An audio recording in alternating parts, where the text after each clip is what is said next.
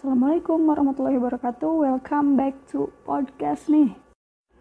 Podcast nih episode sebelumnya membahas bagaimana ketika kita lolos seleksi atau berhasil. Nah, di episode sekarang yang akan dibahas adalah yang sebaliknya. Bagaimana kalau kita belum berhasil dalam mengikuti sebuah seleksi atau kompetisi? Ya nggak usah berlama-lama, kita langsung aja ke yang pertama.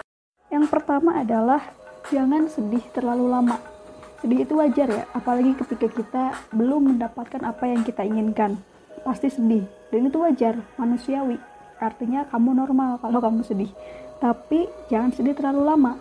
Karena kalau kita sedih terlalu lama akhirnya itu akan menjadi terpuruk dan malah jadi stres atau depresi sendiri. Jadi sedih boleh cuman jangan terlalu lama. Yang kedua daripada kita terus-terusan bersedih, mendingan waktu untuk bersedihnya kita ganti untuk introspeksi diri. Jadi, coba kita cari tahu apa kekurangan atau kesalahan kita ketika mengikuti seleksi atau kompetisi sehingga kita belum berhasil. Nah, ada beberapa faktor yang bisa menyebabkan kita belum berhasil saat itu. Yang pertama, bisa aja niat kita belum benar atau belum lurus sehingga Allah belum mengizinkan kita untuk berhasil atau lulus dalam seleksi atau kompetisi tersebut.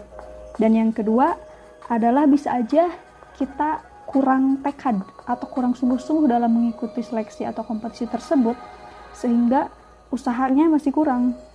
Mungkin kita kurang rajin, kurang latihan, kurang mencari informasi, atau bahkan kurang dalam hal berdoa kan kalau di podcast episode tips lulus seleksi ketika kita kurang dalam hal usaha di bidang latihan maka kita bisa memanfaatkan usaha dalam hal doa. Nah mungkin keduanya kurang jadi belum berhasil.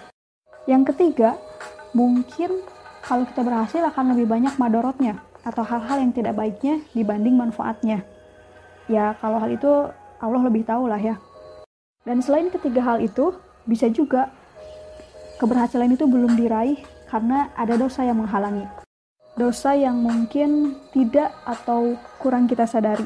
Sebagai contoh, sedikit bercerita, jadi dulu waktu SMA, saya ikut seleksi SNMPTN, PMDK, dan seleksi-seleksi lain yang menggunakan nilai rapor.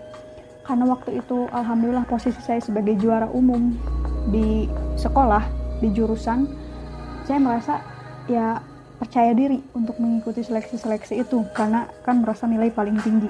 Tapi ternyata justru di semua seleksi yang saya ikuti hasilnya adalah belum berhasil.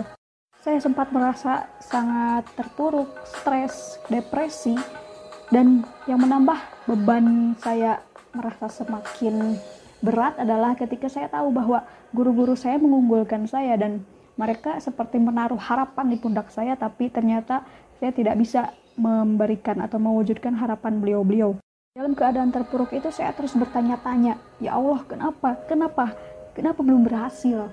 Padahal ya, padahal kan mungkin secara di atas kertas peluang itu ada, tapi ya ternyata kenyataannya memang belum berhasil. Dan kemudian Allah seperti mengingatkan saya bahwa selama ini saya memang punya dosa yang tidak disadari, yaitu saya pernah merasa lebih tinggi dari beberapa guru saya.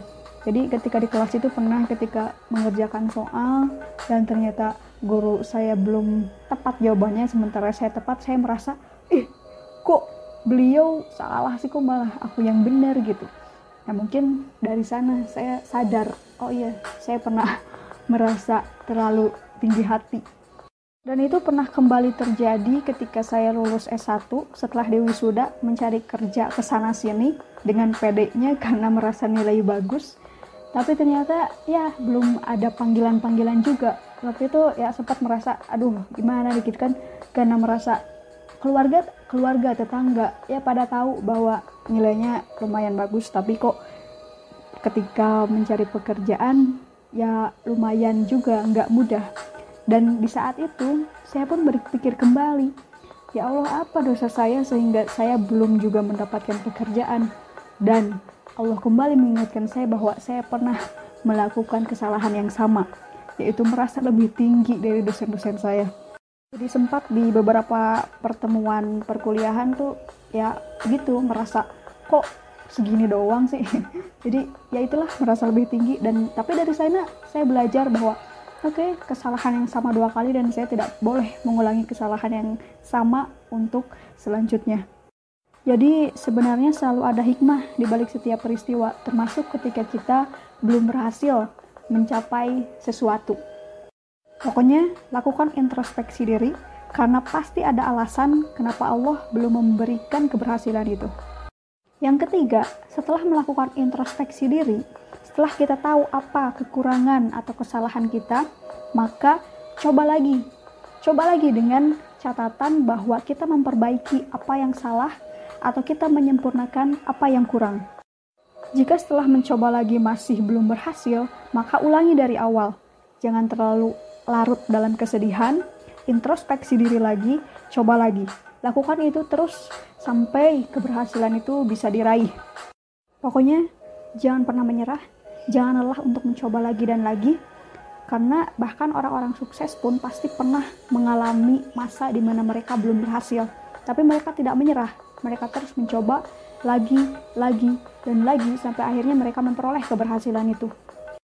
Pelajari kekurangan dan kesalahannya, lakukan perbaikan, sehingga meskipun jika apa yang diinginkan itu pada akhirnya belum Allah berikan, setidaknya kita bisa menjadi manusia yang lebih baik lagi. Ada peningkatan kualitas dalam diri kita. Sebagai penutup, ingat bahwa manusia hanya bisa berkehendak, namun hasil tetap Allah yang menentukan. Tugas kita sebagai manusia adalah berusaha. Adapun hasilnya, yang kita inginkan ataupun bukan, itu pasti yang terbaik. Karena Allah lebih tahu mana yang terbaik untuk kita. Bangkit, kalau belum berhasil, pasti ada jalan lain. Bukan kegagalan, asalkan tidak menyerah. Assalamualaikum warahmatullahi wabarakatuh.